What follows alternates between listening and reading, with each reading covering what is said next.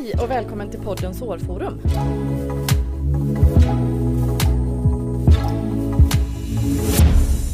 Hej Daniel. Hej Barbro! Kul att vara här igen och fortsätta de här intressanta diskussionerna.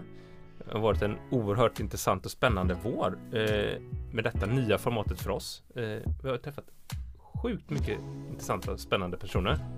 Verkligen, och dagens gäst är ju en person som på många sätt har arbetat för att sätta struktur och, och processer av olika slag.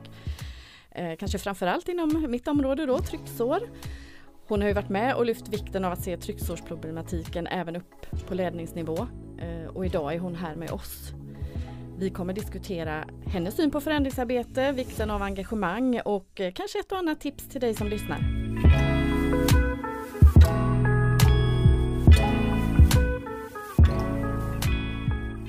Och vi som håller i detta diskussionsforum det är jag, Barbro Givesten.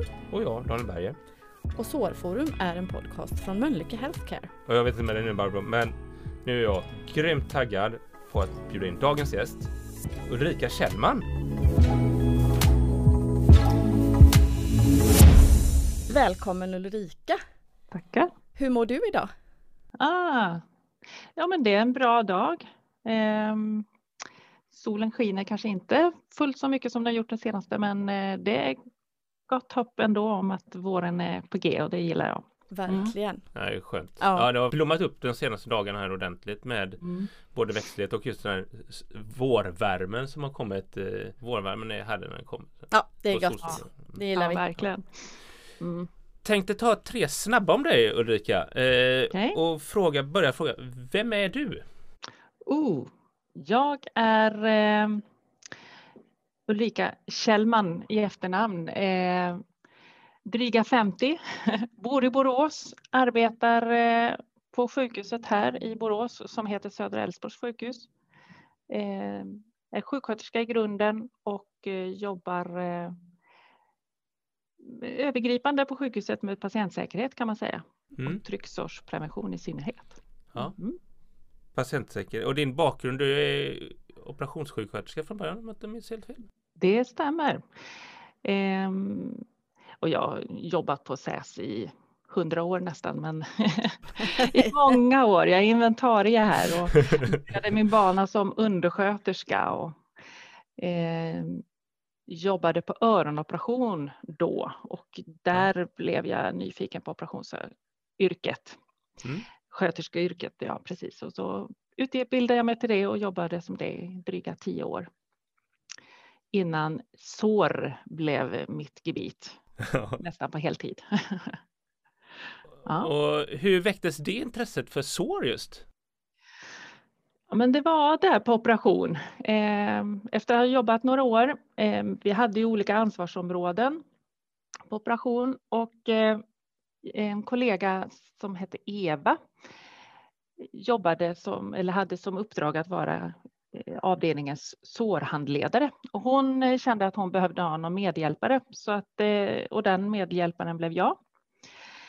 Eva var fruktansvärt duktig på sårbehandling. Hon Mm. hade ruggig känsla för vad som funkar och inte funkar och gick metodiskt tillväga liksom när hon införde något och utvärderade något. Så jag lärde mig jättemycket av henne. Mm. Ehm, och ja, där väcktes intresset helt enkelt. Mm. Och där i kanske jag tänker att då som du pratade om tidigare att patientsäkerhet eh, är en av dina uppgifter nu. Mm, Sår och patienten är ju oerhört nära varandra. mm, Jag tänker i alla fall Ulrika att, att jag, jag är ju faktiskt också operationssköterska och eh, Ja. det här med sår på operation är ju, eh, om man nu ska säga det, så är det ju oftast de inte de finaste såren som kommer till operation. nej, oh nej. Eh, och jag blev nog lite överraskad över att eh, man kanske inte tänker på det, att det är så mycket sår på operation. Men eh, det är ju allt från de enkla, om man nu kan säga det, enkla såren. Eh, eh, där vi syr ihop och eh, det läker väldigt snabbt. Eh, men givetvis kan bli komplikationer i det också. Mm. Men som du säger, väldigt fula sår också eller svåra sår där eh, patienten har sådana smärtor till exempel så att man måste ha narkos hjälpmedel för att eh, genomföra omläggningarna. Det är mm. så stora sår och det är komplicerade omläggningar och man kanske behöver revidera liksom också så att det. Nej, det inte. Det är en utmaning ibland. Ja. Att, Verkligen. Lägga om sår ja. på operation. Mm. Men vad blev, vad blev liksom ditt nästa steg? För då, då fick du ändå det här sårintresset och du började liksom eh, jobba mer strukturerat med såren på operation. Men vad, mm.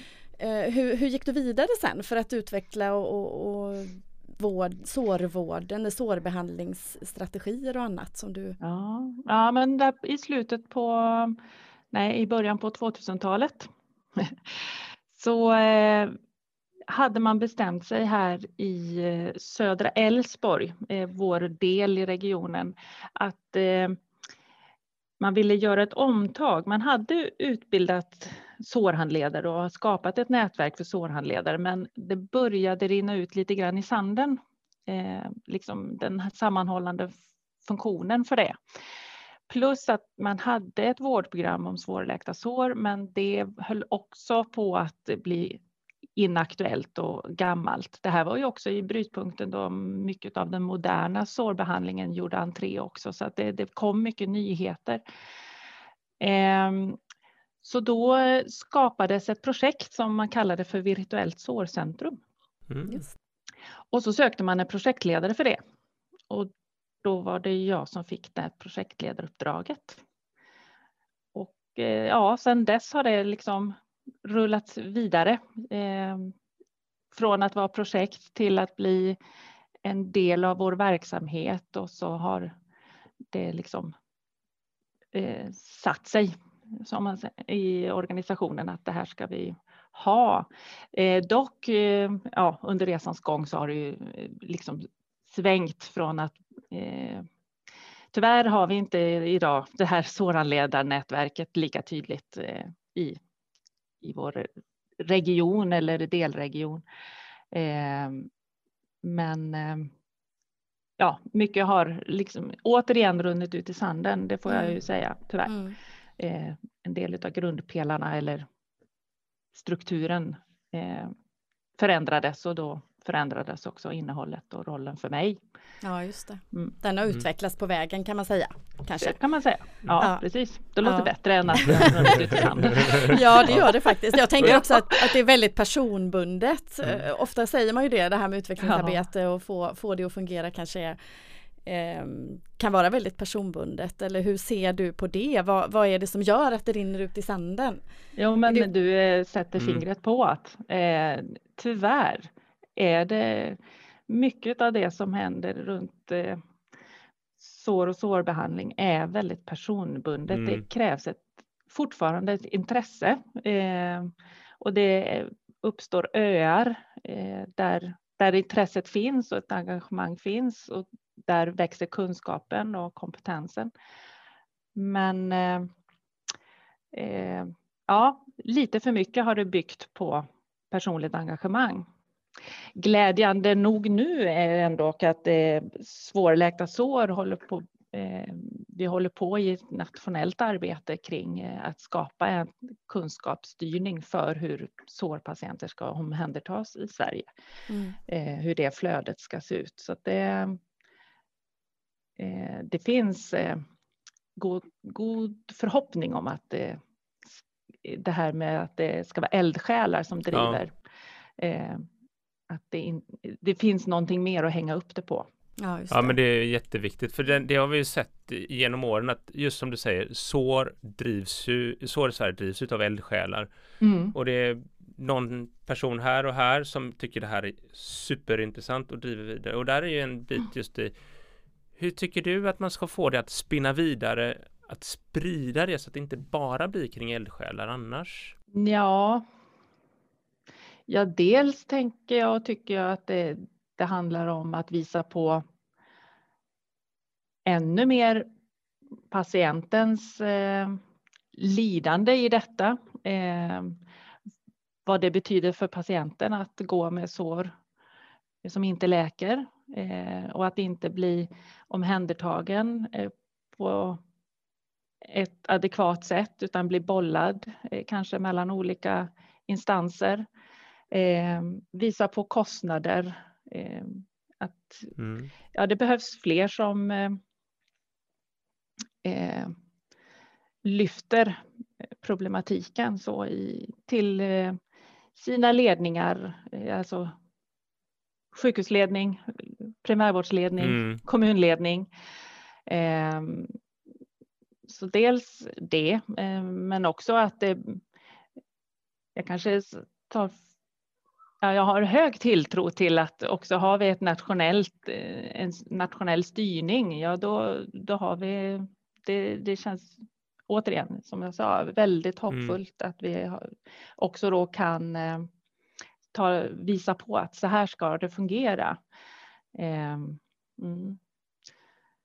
En sak som du är inne på det lite grann där är ju också som du säger driva upp i ledningen, eh, mm. få sjukhusledning, kommunledning. Men för där tänker jag just på, mot en politikernivå. Eh, mm. Lyfta upp sår på agendan som jag älskar att säga. Men det är mm. oerhört viktigt. Eh, upp i hierarkin och just den här politikerbiten. Mm. Hur tror du man kan eh, engagera politikerna kring patienter med sår? Det är väl ofta, vi brukar väl säga det, att visa siffror, mm. hårda fakta. Mm. Det här eh, kostar det. Ja. Eh, ibland eh, får personer också upp ögonen om man eh, själv blir drabbad eller i närheten blir drabbad eh, mm. också. Ehm, men det vill man, önskar man ju inte någon så sett. Men eh, nej, men eh, hårda, mm. det gäller att visa på. Det går inte bara att säga att jag, jag tycker och känner eller eh, jag tror. Fakta, faktabaserat. Mm. Ja. ja. ja. Jag håller med dig och det är lite grann det är ju mycket det vi pratar om mm. just när det gäller den här podden också. Vi, alla vi har pratat mm. med skulle jag säga, vi får ju samma svar att mm. sår, sår är så otroligt svårt att få upp Eh, ögonen för och få upp mm. intresset för och, och, man tänker lite grann hur, hur skulle man kunna öka det? Någon, någon pratade också om att, att det inte är så hög status på det här med sår. Nej. Det är inte liksom Nej. det mest flashiga man kan jobba med. Det finns så mm. mycket annat inom sjukvården som, som tar så mycket mer tid och plats. Mm. Eh, men hur, hur, hur liksom kan man då hjälpa de här stackars människorna som mm. får de här svårläkta såren som, som inte läker på lång tid och har väldigt, väldigt ont. Men jag menar, mm. som du säger så, så är det ju jättebra om det har påbörjats ett, en, en nationell styrning på något sätt, att mm. man kan se mm. ett program som, som kan jobba med det här. Men jag tänker också hur Ser, ser du någonting när det gäller utbildningsbiten både för läkare och sjuksköterskor tänker jag, alltså det här tvärprofessionella arbetet? Mm. Absolut, alltså team, det här är ju en, en verkligen patientgrupp som kräver teamarbete. Mm. Att eh, man samlas eh, professionerna eh, tillsammans med patienten och eh, sampratar sig helt enkelt. Det, för det, man ska ju inte sticka under stol med att patienten har ju också ett eget ansvar i, i detta och, och, måste förstå eh, vad det här innebär och vad hens insats också är. Eh, ja. Att eh, det kräver viss följsamhet också för att det ska nå framgång. Så att det, men att att slippa bli slussad till att ja, men då ska du få nästa gång träffa den här personen och den kan lösa den här lilla delen av ditt problem. Sen mm. får du gå vidare till nästa person som kan titta på den här specifika delen i ditt problem. Istället, eh, nej, alltså teamet. Eh, mm. Och det... Eh, ja. Jag ska inte säga att vi, vi har lyft frågan mm så långt i alla fall här mm. på vårt sjukhus att nej, men det här, det här är inte rimligt eh, att en patient bollas så mellan olika specialiteter och så ut i primärvården igen och sen så går det ett litet tag och så nej, tillbaka igen och så säger man nej, men vi kan inte göra något. Nej, vi kan inte göra något. Nej, men någonting måste vi kunna göra och någon måste kunna fatta beslut och det beslutet ska vara gemensamt. Mm. Men du sa utbildning och det tänker jag eh, det här är ju väldigt mycket en eh,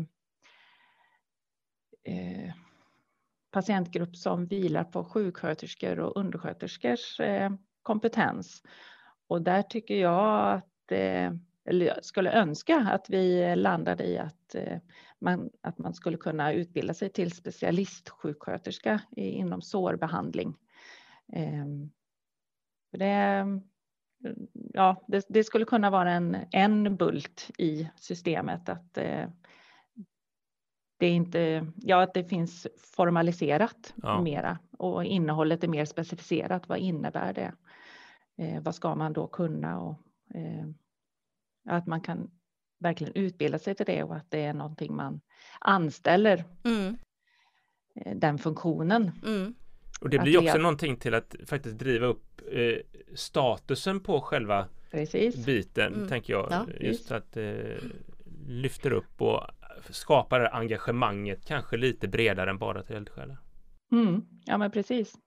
Och det ger också förutsättningar tror jag för att eh, det sker en mer systematisk utveckling av området. Att eh, mm. höjs kompetensen och att det en viss akademisk eh, grad i det hela så eh, är man också bättre rustad att utvärdera åt det vetenskapliga hållet. Mm. Man kanske inte blir doktorand eller forskar på det sättet men ändå har eh, det, den skolningen in mm. i det arbetet eh, så att man utvärderar och ja, och kanske också utvecklar området rent mm. forskningsmässigt. Mm. Ja, ja. Det...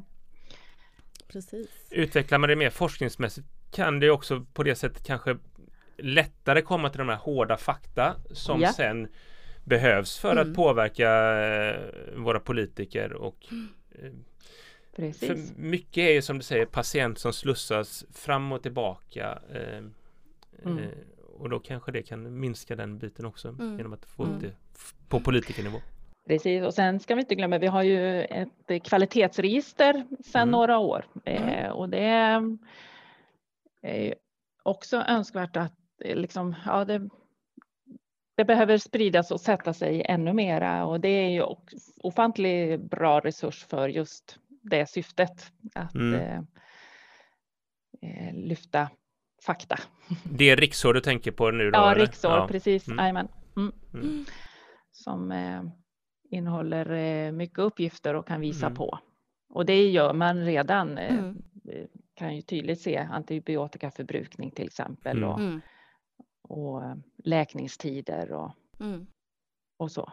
Så att det, det kan absolut vara ett stöd också i vårt arbete att mm. både höja kvaliteten men och, och fokus.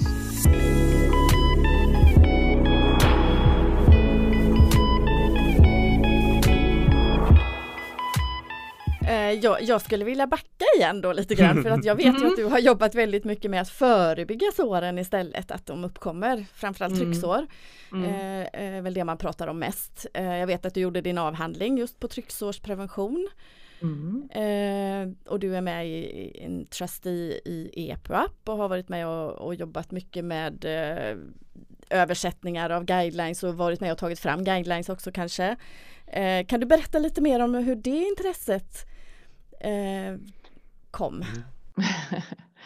ja, eh, det var då när jag blev projektledare för det här virtuella sårcentrat mm. Mm. och skulle skriva vårdprogram. Det ingick, eller ja, vi hade ju ett vårdprogram men det behövde revideras och uppdateras och så där.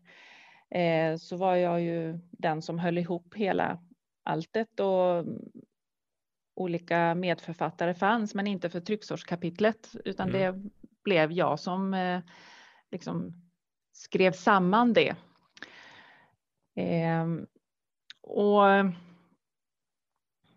ja, eh, delvis var det att eh, jag, när jag kom till det här med lägesändring så kunde jag inte riktigt hitta något stöd för varför säger vi varannan timme? Var, varför ska patienten vändas så ofta?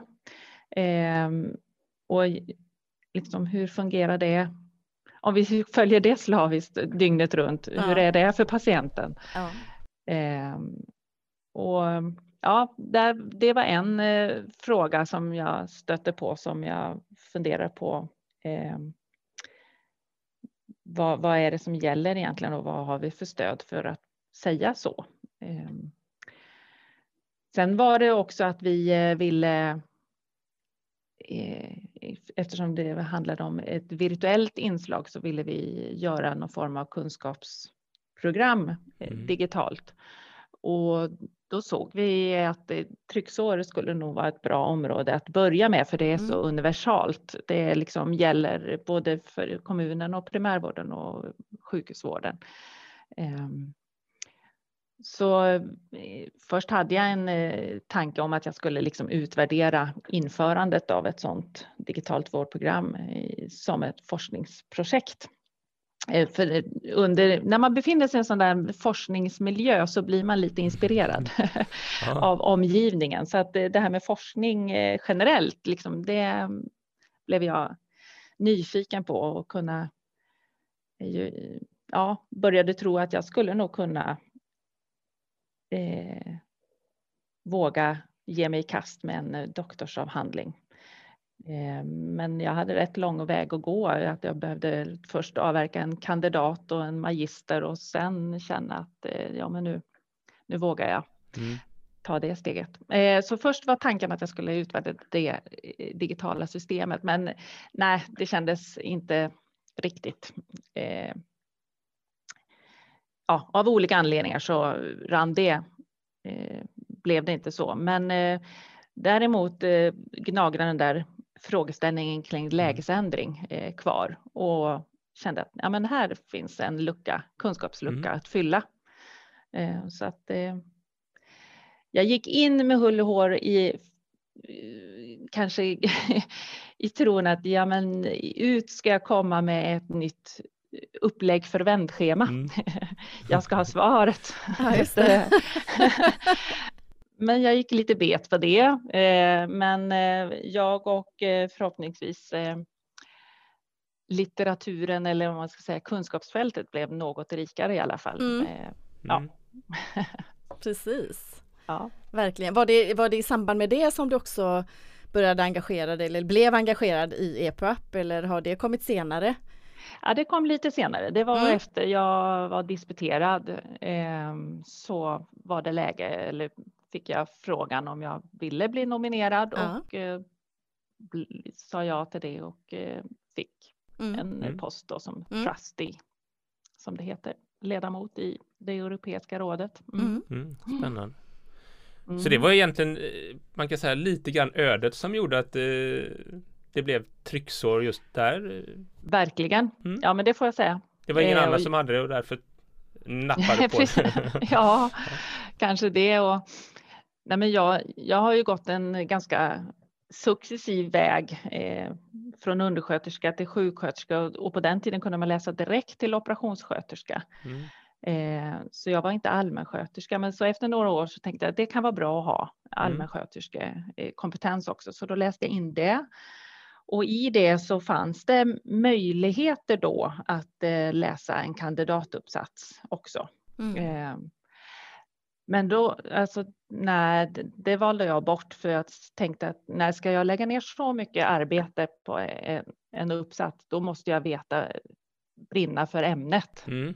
Mm. Så jag la det åt sidan. Eh, men sen kom eh, det ifatt mig.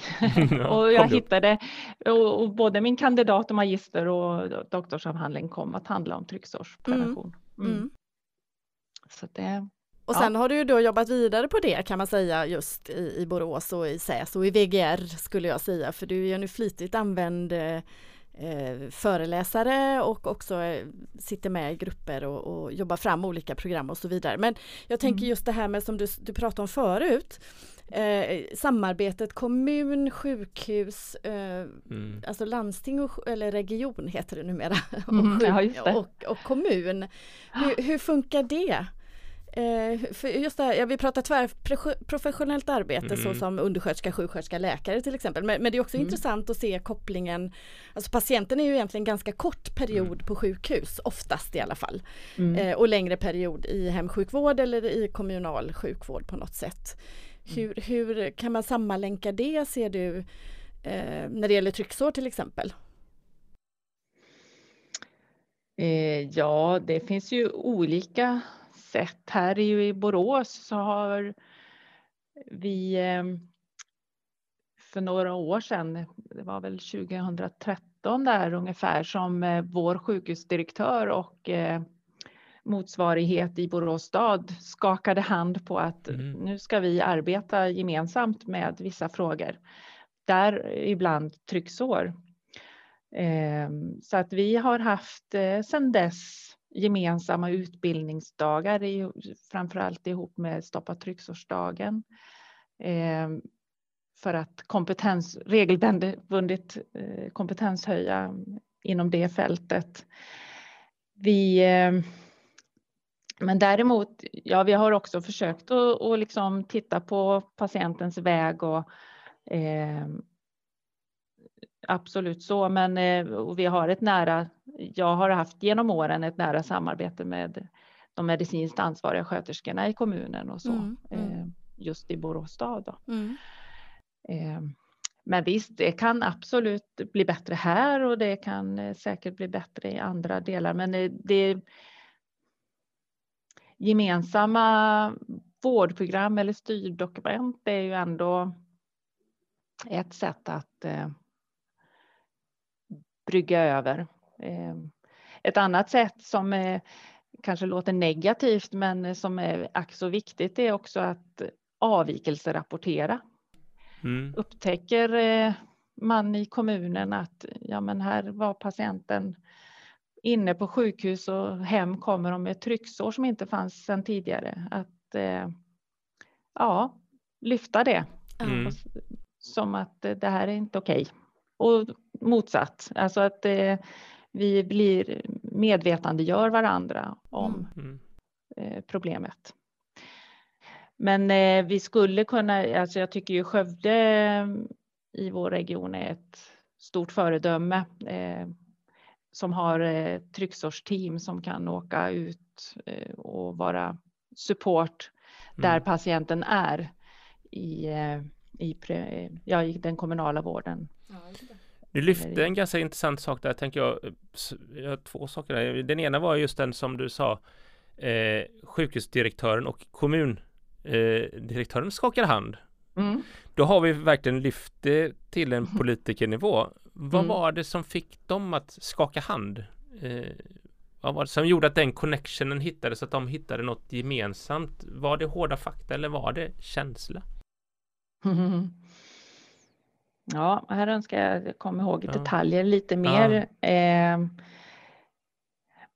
dels vet jag att eh, vår sjukhusdirektör då, eh, Thomas Wallén, han var mm.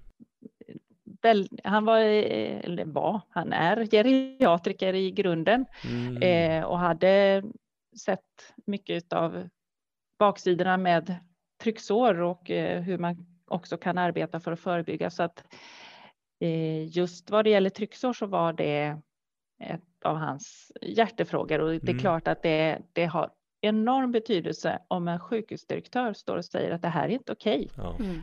Patienter ska inte drabbas av det här. Vi ska ha en nollvision, ingenting mm. annat.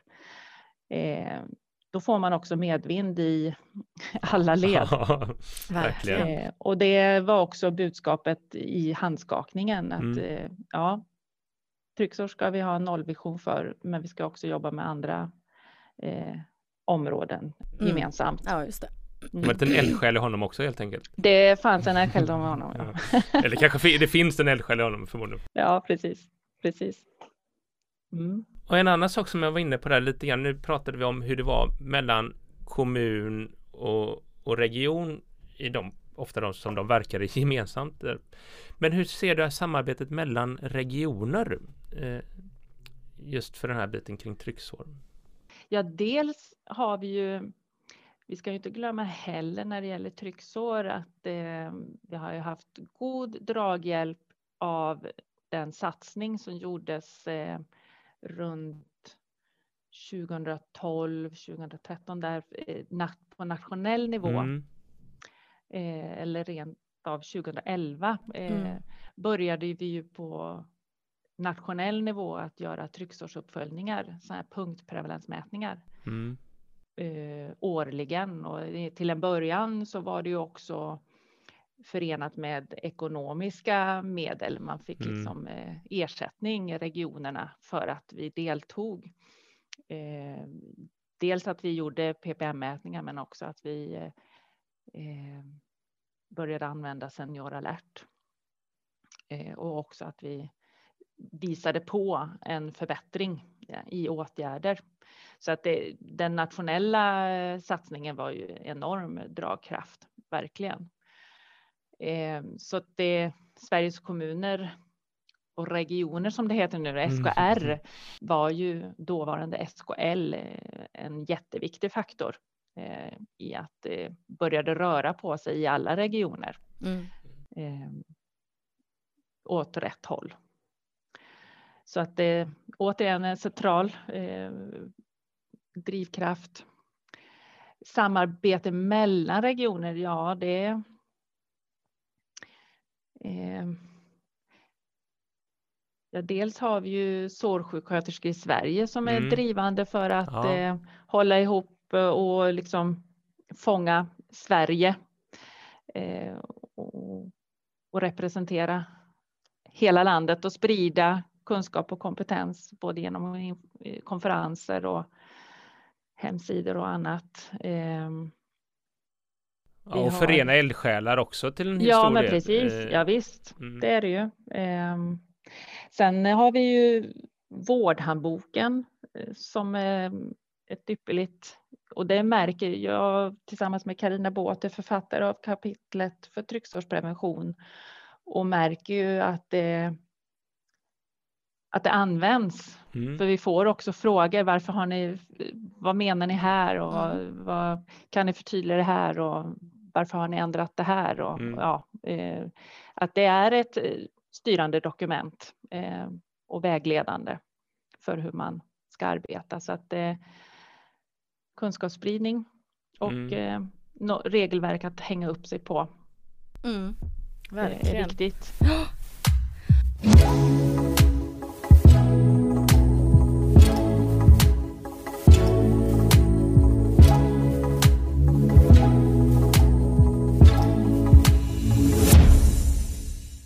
Och jag tänker det som vi har pratat om hela tiden nu det är ju egentligen förändringsarbete och, och, och liksom förbättringsarbete mm. för mm. patienter men också även för, för eh, alla som jobbar inom sjukvården tänker jag för att det någonstans så landar det ju i att blir det bättre för patienterna så blir det också bättre eh, för alla som arbetar. Men, men vad betyder förändring och förbättring för dig? Eller förändring kanske vi ska säga? Ja, en förändring är ju inte eh, god tycker jag om den inte leder till någon förbättring. Varför ska jag då förändra? Eh, för man kan ju också bli rätt trött på förändringar. Mm. Mm. mm. Men eh, leder det till något bättre eh, där jag både vinner tid eller vinner eh, minskat lidande eller vinner eh, pengar på det hela eh, så är det ju till något gott mm. att göra förändringen. Så att det, det, innebär det för mig.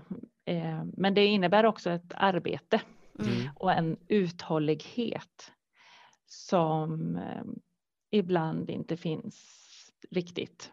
Och då är det återigen att det är Ska man få till en varaktig förändring, alltså att den blir det vi förändrar, det står sig också, att det blir vårt nya arbetssätt ja, då krävs det verkligen uthållighet och någon som står i rodret och säger mm. riktningen och eh, upp, upp, upp, upp, nu ska vi tillbaka här. Det var mm. så här vi kom överens om och det är dit vi ska. Nu gör vi ingenting annat och vi förändrar inte förrän vi vet eh, att vi måste förändra.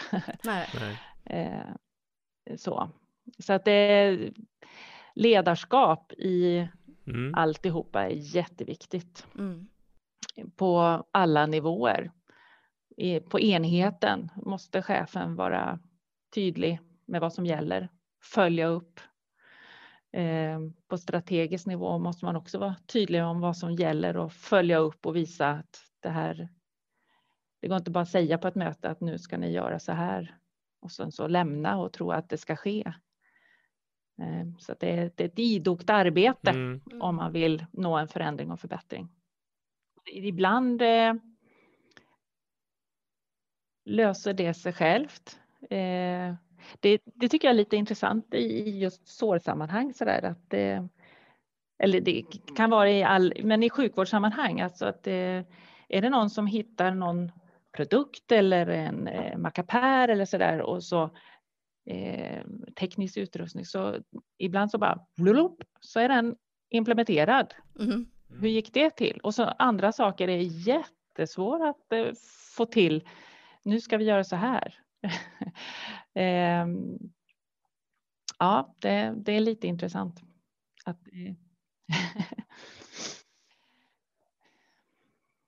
ja. Nej, men det, det här. Eh, ibland är väl att ibland ser man den direkta nyttan mm. med en gång. Eh, och då är det lättare att, sprida det, eh, liksom, eh, och det nästan sprider sig självt. Medan annat eh, kanske kräver lite av mig som person eller kräver av mig, oss som organisation och då blir det mer jobbigt. Det kanske inte är lika tydligt vinsten eh, i att arbeta på ett visst sätt eller så. Eller göra Nej. på ett Nej. visst sätt. Nej. Kan vara svårt också om man ska ha med sig väldigt många olika personer. Det är en förändring man ska göra vändskena. Ah, hela avdelningen ska med. Man har fem stycken som tycker det här är jättebra och så har man fem stycken som inte, inte. Inte riktigt lika engagerade och tycker nu blir det bara merarbete. Eh, mm. eh, för där är det mycket som du säger ledarskapet. Mm. Hur får man med sig alla? Nej, men jag tror för det första att man inte ska tro att man i alla inte fall inte till en början får med sig alla. Eh, och då gäller det att inte fokusera på dem man inte får med, utan det gäller att fokusera på dem man får med. Mm. Och ge dem eh, förtroende och uppmuntran och mm. tid och eh, liksom möjligheter att ja, men det, du är på rätt väg, fortsätt så här. Eh, de andra kommer inse så småningom att nej, det, det hjälper inte att jag mot, är motsträvig, eh, för det här kommer, det kommer hända ändå. eh, eller att eh, det behövdes lite tid i den där eh, förändringskurvan för vissa personer och så ser man att ja, men det, det blev rätt bra då. Nu, nu är jag överbevisad. Mm. Ja, precis. Ehm, så att det. Ja, det handlar mm. om att fokusera på rätt mm. personer och individer och uppmuntra och, och, följa upp. Och sen i vissa lägen så eh, krävs det nog också att man är, är tydlig och säger att ja, men, det här är inte diskutabelt längre. Mm. Det, det, är så här det är. Mm. Ja, och det är också ett aktivt ledarskap mm. för också att visa de som gör som överenskommelset eh, också blivit på rätt väg och att inte de känner att ja, men de andra gör ju ändå inte så här så varför ska jag göra det? Nej men precis.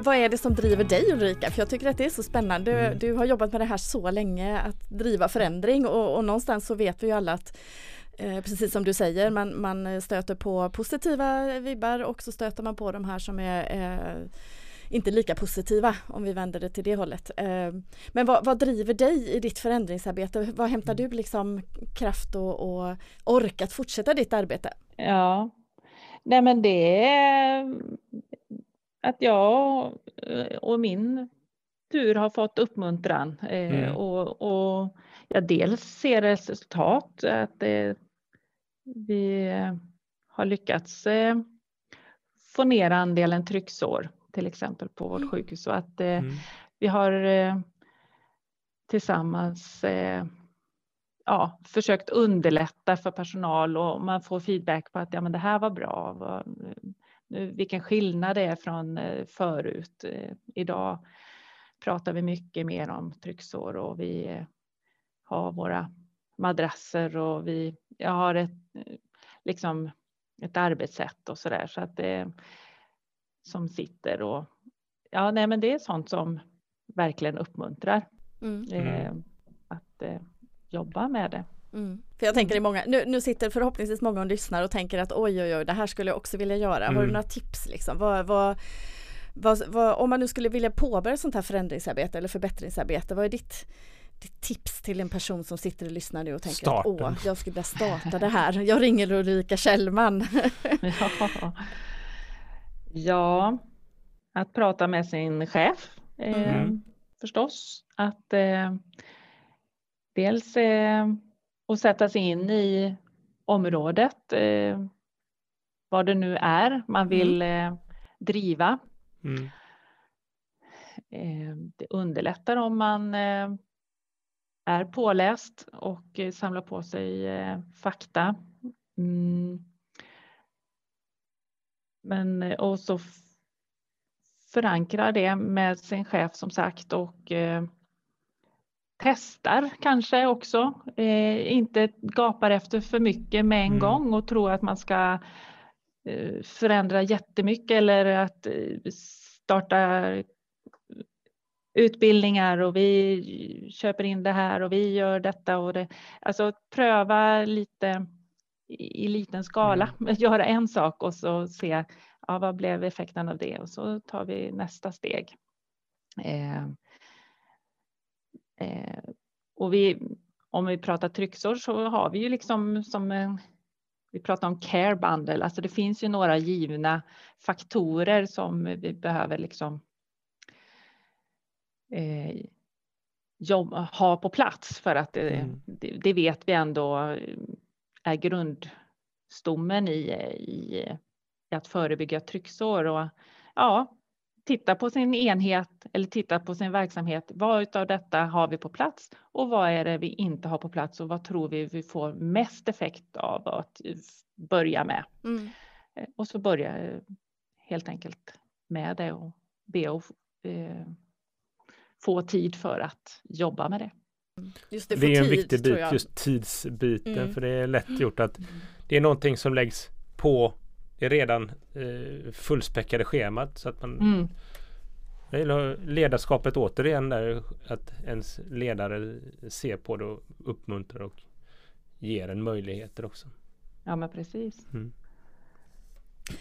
En sak som jag tänker på mer Ulrika som du också, som jag tror i alla fall att du har varit med och, och tagit fram, det är Gröna Korset. Ja, jag har inte varit med och tagit fram det. Nej, men ni har tagit fram det i Borås. ska inte ta åt mig äran av. Nej. Däremot är det på vårt sjukhus ja, mm. som det har eh, utvecklats eh, som metod. Eh, vår före detta chefläkare, han var också verksamhetschef på kirurgkliniken, då tog, eh, blev inspirerad av industrins Safety Cross mm. där man tittade på avvikelser, eh, negativa händelser liksom i produktionskedjan mm. för att eh, liksom kontinuerligt göra mindre förbättringar för att mm. minska störningar och, och, så. Och han, Lars Rex som han heter tillsammans med dåvarande utvecklingsledare på kirurgkliniken Katarina Hansson eh, omarbetade det här Safety Cross till Gröna mm. Korset och anpassade det till vårdmiljö. Men eh, kopplingen till mig där då, det är att vi är en grupp eh, forskare på sjukhuset som eh, har eh, gett oss i kast med att utvärdera metoden mm. eh, på vetenskaplig grund. Då. Så vi har gjort några studier kring Gröna Korset. Mm. Och det är ju ett sätt att strukturera sitt arbete, tänker jag, och få så att alla gör samma om man har en bra, får en bra bild över läges, läget också. Ja, precis. De eh, enheter som jobbar med det eh, tycker ju att eh, det har blivit en annan Ja, en annan kultur på avdelningen helt mm. enkelt, att det är mer okej. Okay. Alltså, att prata patientsäkerhet är eh, en naturlig del av mm.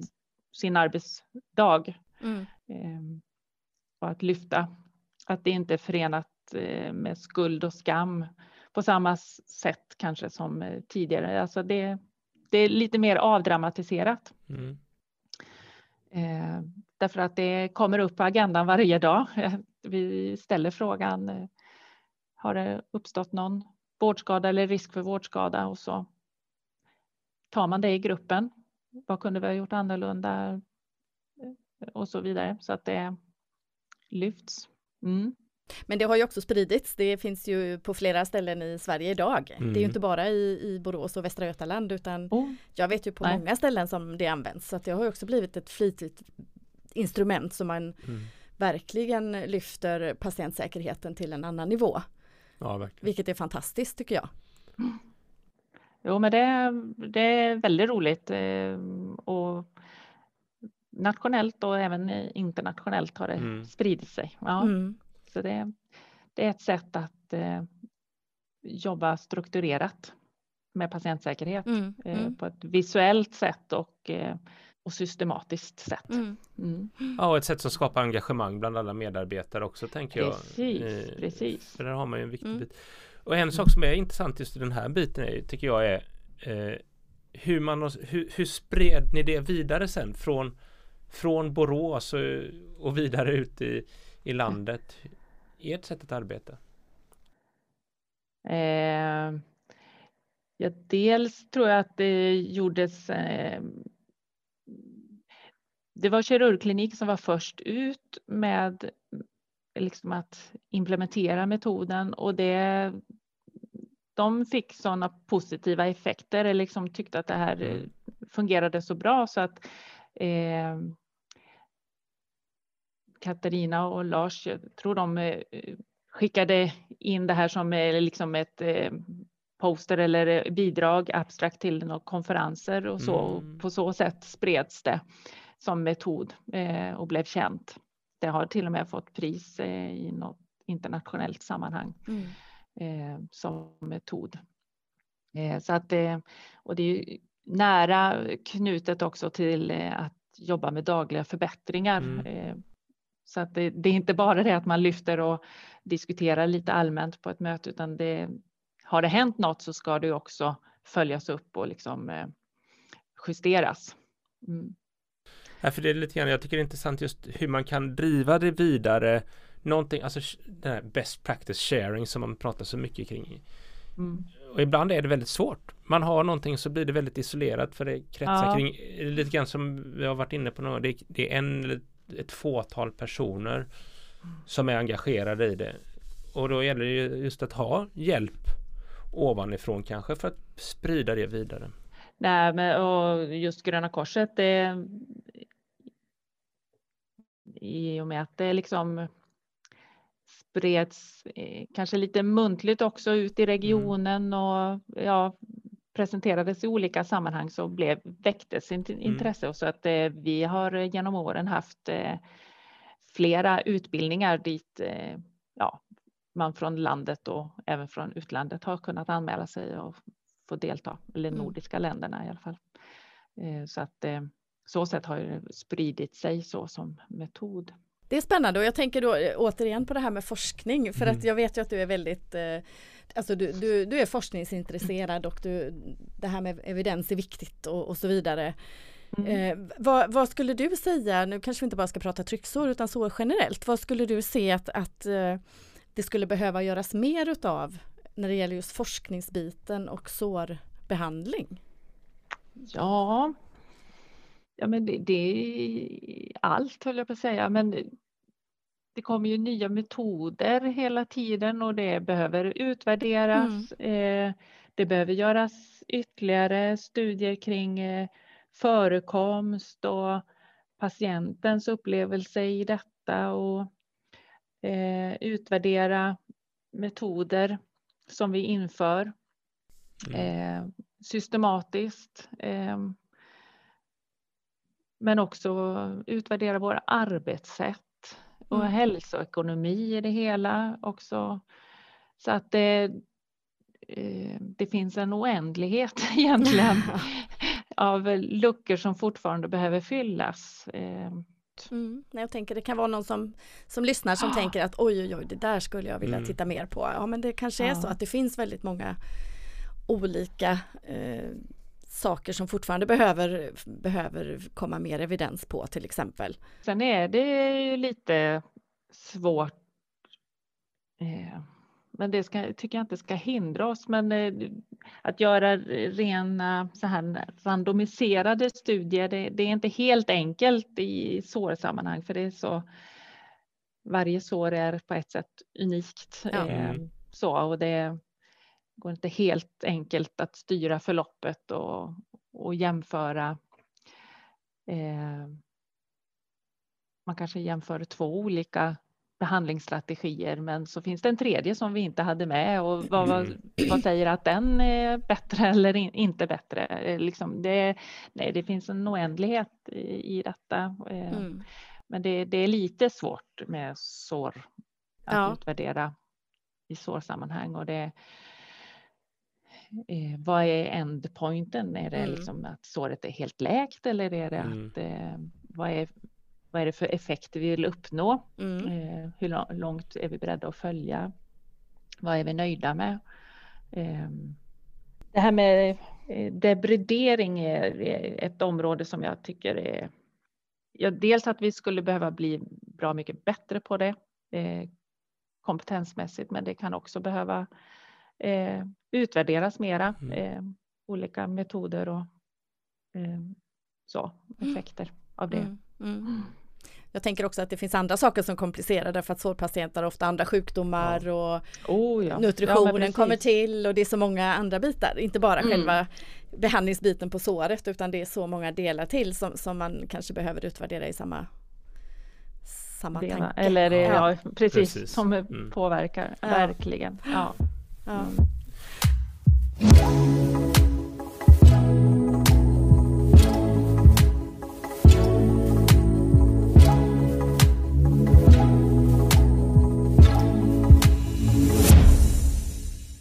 Hur ser du på framtiden kring sårbehandling? Var, var är vi om eh, fem, tio år, tror du? Jag vet inte om jag ska dela om vad jag tror eller vad jag hoppas på. ja. om inte det är samma vi, vi, sak. Vi kan ju hoppas att det är två samma saker.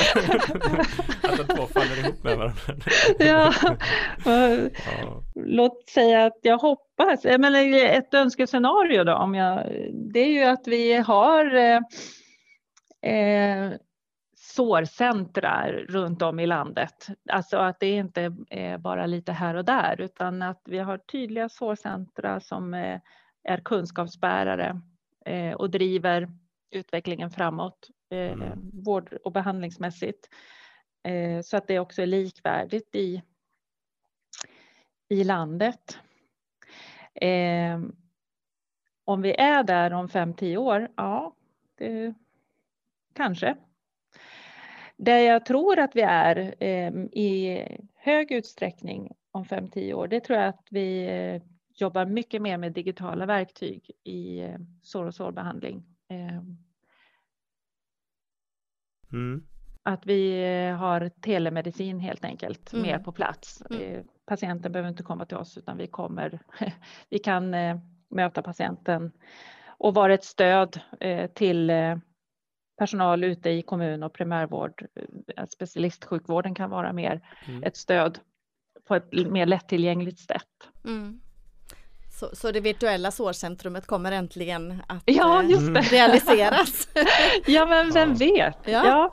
vi var lite tidiga där. Ja, men det är väldigt imponerande faktiskt. Så, så du sa, det var i början på 2000-talet, ja. virtuellt sårcentrum. Ja. ja. Väldigt mycket före sin tid. Ja, och det som är lite skrattretande är att liksom det virtuella då, det var att eh, vårdprogrammet skulle gå över från papperskopia till att publicera som ett pdf på en hemsida. Mm. Eh, nej, men vi gjorde också ansatser att eh, ha vårt nätverk, ha en, liksom en, eh, som en eh,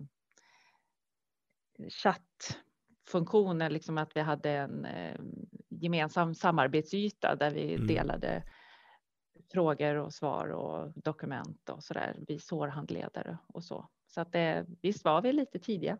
Ja. ja. men det är lite mm. som du sa, var inne på förut där med att eh, man kan inte göra allting på en gång. Man måste börja lite smått och så börja vidare och så vidare och så vidare. Så ni började där. Ja, ja, lite precis. smått och så ja. sen om... Ja men digitaliseringen är ju, är ju såklart mm.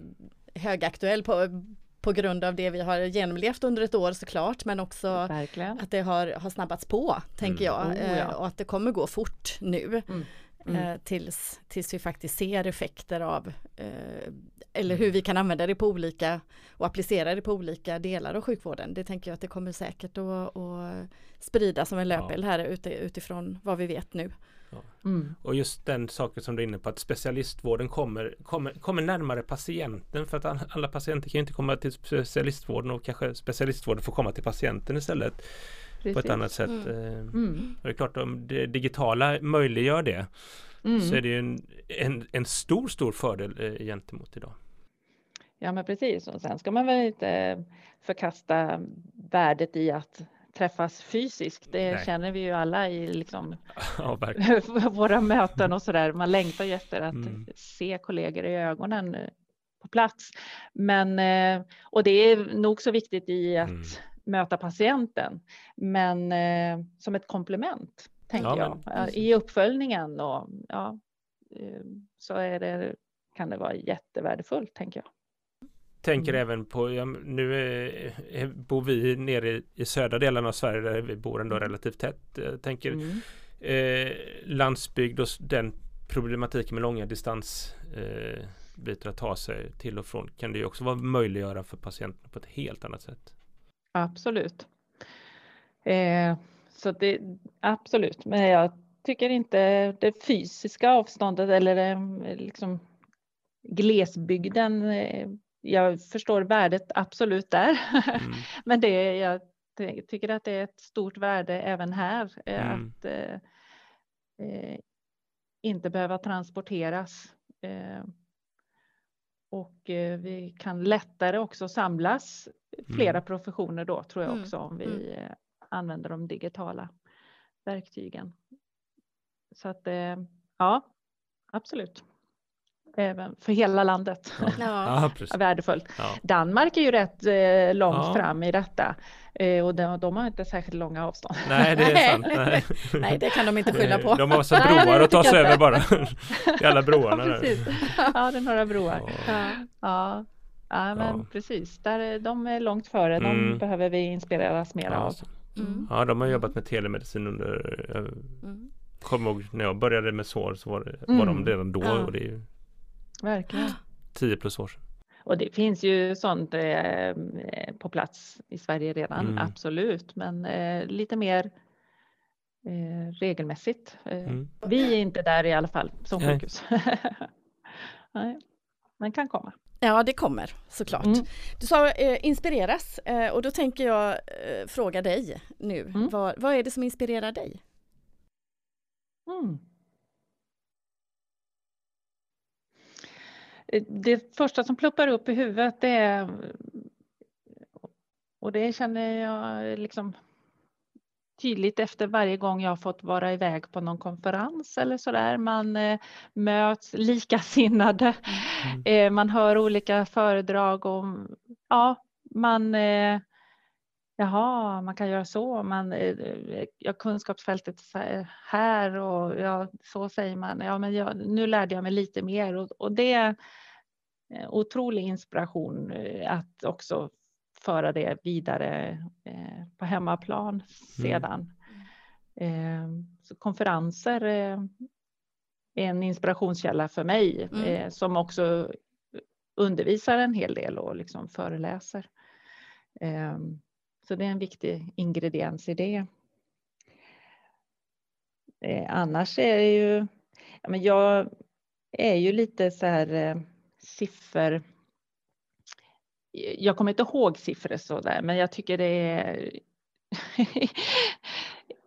roligt med siffror och Mm. liksom att sammanställa data och liksom analysera och komma fram till jaha, var det så här många eller Mm. så här har det blivit bättre eller Mm. det här just analyserandet. Så det kanske låter lite konstigt, men det, inspirerar mig också. Ja, men det är de hårda fakta. Ja, just det, det är lite så. Eh, men sen är det ju mötet eh, Mm.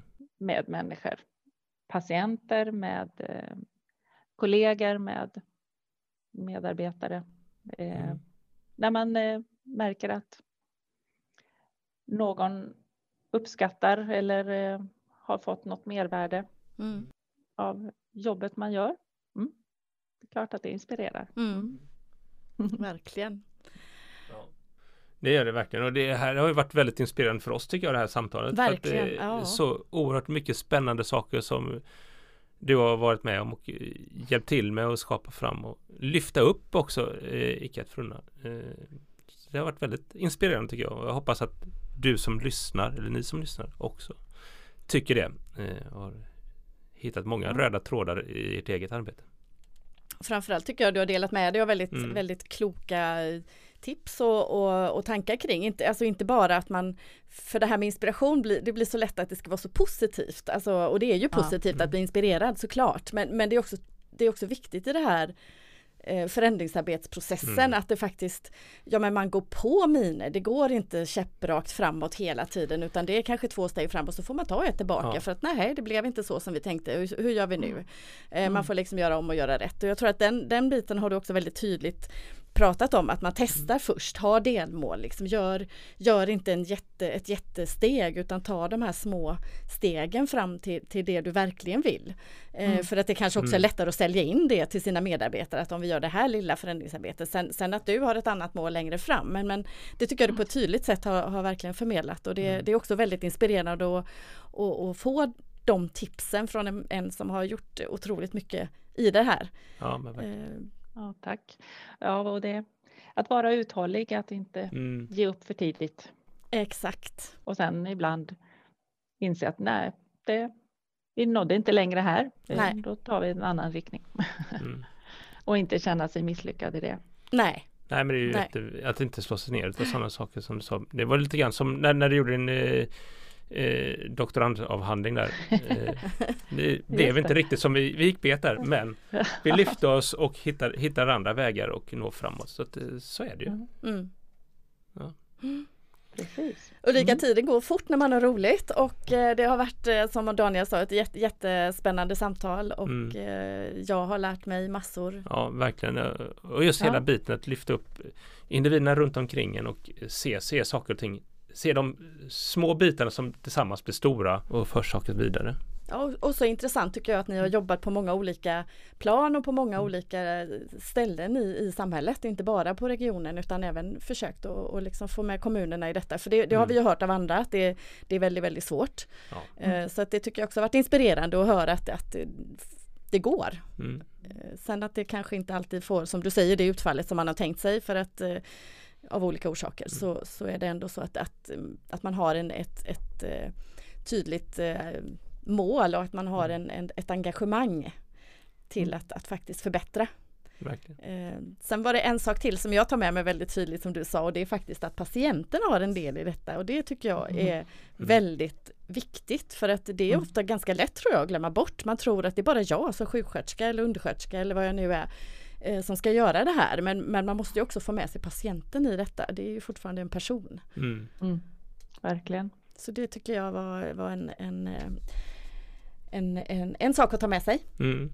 Verkligen, viktig. Eh, en sista klurig fråga Ulrika. Eller Mhm. klurig, den kanske inte alls är klurig.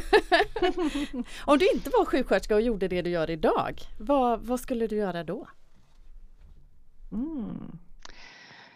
Ja, jag hade nog inte varit i sjukvården, det har jag nog sagt eh, till andra. Eh, Det var lite slumpens skördar det också. Mm.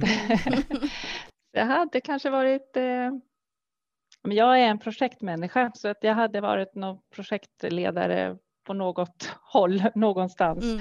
Mm. Eh, oavsett tror jag. Eh, Mm. Jag gillar att jobba i den formen. Eh, avgränsat men eh, med ett tydligt syfte och att, och att det händer någonting. Det, man börjar och man slutför och så börjar man på något nytt och så slutför man det. Och så. Ja, det trivs jag med. Det håller jag med om. Eh, Ja, det är spännande. Ja. Och just Mm, det, man har en målsättning. Mm, precis. Mm. Fantastiskt trevligt att ha pratat med dig Ulrika. Eh, Tackar. Jättekul. Eh, Detsamma. Stort tack från oss. Ja. enkelt. Absolut. Mm. Tack!